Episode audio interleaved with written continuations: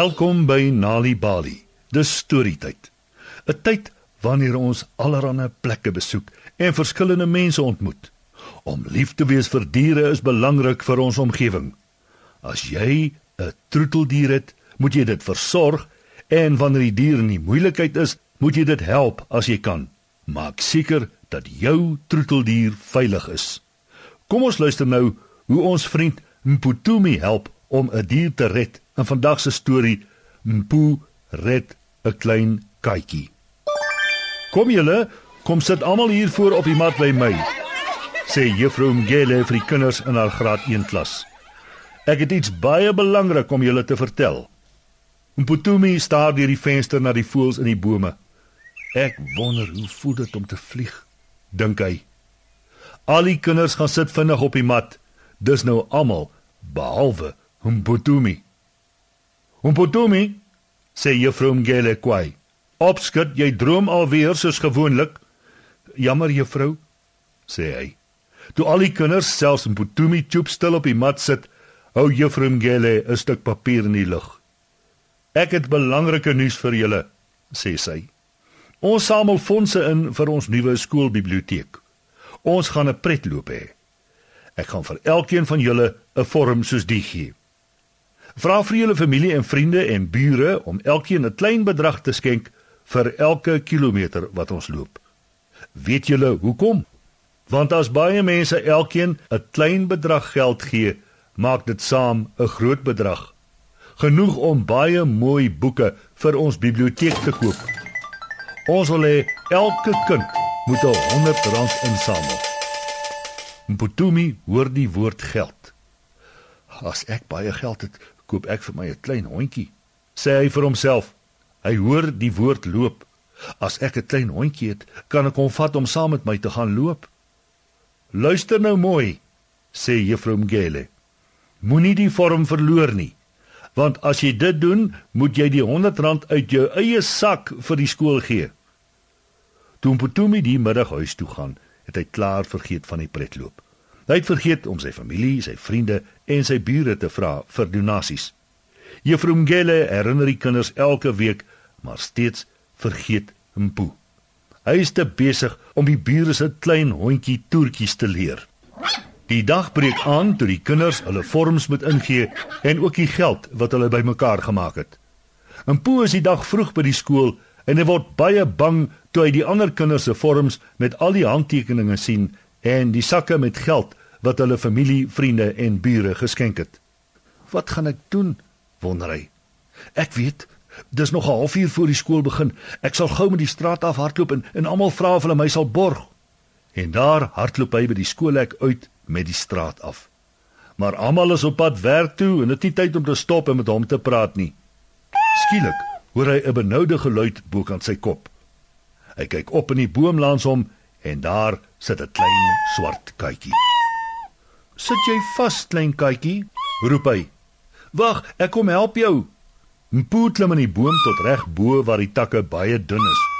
Toe hy by die katjie uitkom, sien hy haar klein blou halsbandjie het aan 'n tak vasgehak. Hy trek sy trui uit, maak die katjie los en draai dit toe in sy trui. "Aan wie behoort jy?" vra hy vir die klein katjie. Die katjie maak 'n sagte piepgeluid. Hy end weg lui die skoolklok, maar Mpo hoor dit nie. Sy vorm val uit sy sak en waai weg tussen die verkeer. Maar hy kom dit nie agter nie. Hy kyk net vir die klein katjie. Iemand moet baie lief wees vir jou. Jy's so oulik en vet en blink en jou halsbandjie is baie mooi, sê hy.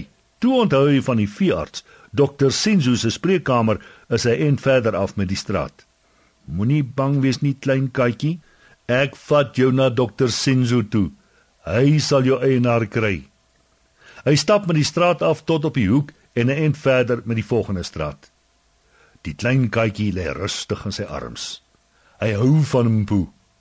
Uiteindelik kom hy by dokter Sinzo se spreekkamer aan. Ek het die katjie gekry, sê hy vir die ontvangsdame. Sy het in 'n boom vasgesit. Dankie. Ons sal mooi na haar kyk en haar eienaar kry. Jy is 'n soetseun wat baie goed is vir diere. Toe draf hom Poo skool toe. Hy's baie laat. Juffrou Mgele is woedend. "Hoekom is jy so laat, Humputumi?" raas hy. "Die skool het al hoe lank terug begin. Saalopening is verby." "Ek is jammer, juffrou," sê hy. "Kinders, dis nou tyd om julle vorms in te handig en die geld wat julle ingesamel het," sê juffrou Mgele. Almal gaan vinnig vorentoe en juffrou Mgele merk hulle name af op 'n lys. Maar Mpu bly sit in sy bank. Hy's baie bekommerd. Sy vorm is weg en hy het nie 'n enkele donasie ingesamel nie. Juffrou Mgele kan slange vang so kwaad as sy. Jy is 'n stout, onverantwoordelike seun, raas sy. Jy is die enigste een in die hele klas wat nie jou vorm teruggebring het nie. Nou moet jy die geld self betaal. Ek wil môre 100 rand by jou hê. Mpu wil huil. Waar gaan hy 100 rand kry? Sy ma en pa gaan ook kwaad wees nes juffrou. Almal dink hy is stout en lui en agterloosig. Hy's baie hartseer. Sy ma sal nie voor die einde van die maand vir hom 100 rand kan gee nie. Sy juffrou gaan nog kwaader wees as sy dit hoor. 2 dae later, terwyl die kinders sit en somme doen, is daar 'n klop aan die klaskamerdeur. Dis die hoof van die skool en saam met hom is daar 'n vrou met blink swart skoene en 'n mooi rok aan. "Goeiemôre, kinders," sê die hoof. Dit is juffrou Patrice. Sy bly naby ons skool. Haar klein katjie het weggeraak en 'n gawe seun van ons skool het haar gekry en na die veearts toe gevat. Sy het kom dankie sê. 'n Poe spring op. "Dit was ek, dit was ek!" roep hy. "Kom vorentoe asseblief, Mputumi," sê die hoof. Toe 'n Poe voorkom, skud die hoof en juffrou Patrice sy hand. "Jy het 'n baie goedhartige ding gedoen," toe my katjie weggeraak het.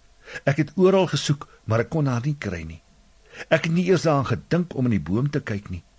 Dankie, sê juffrou Patrice en sy gee vir 'n poe 'n koevert. Die kinders klap hande.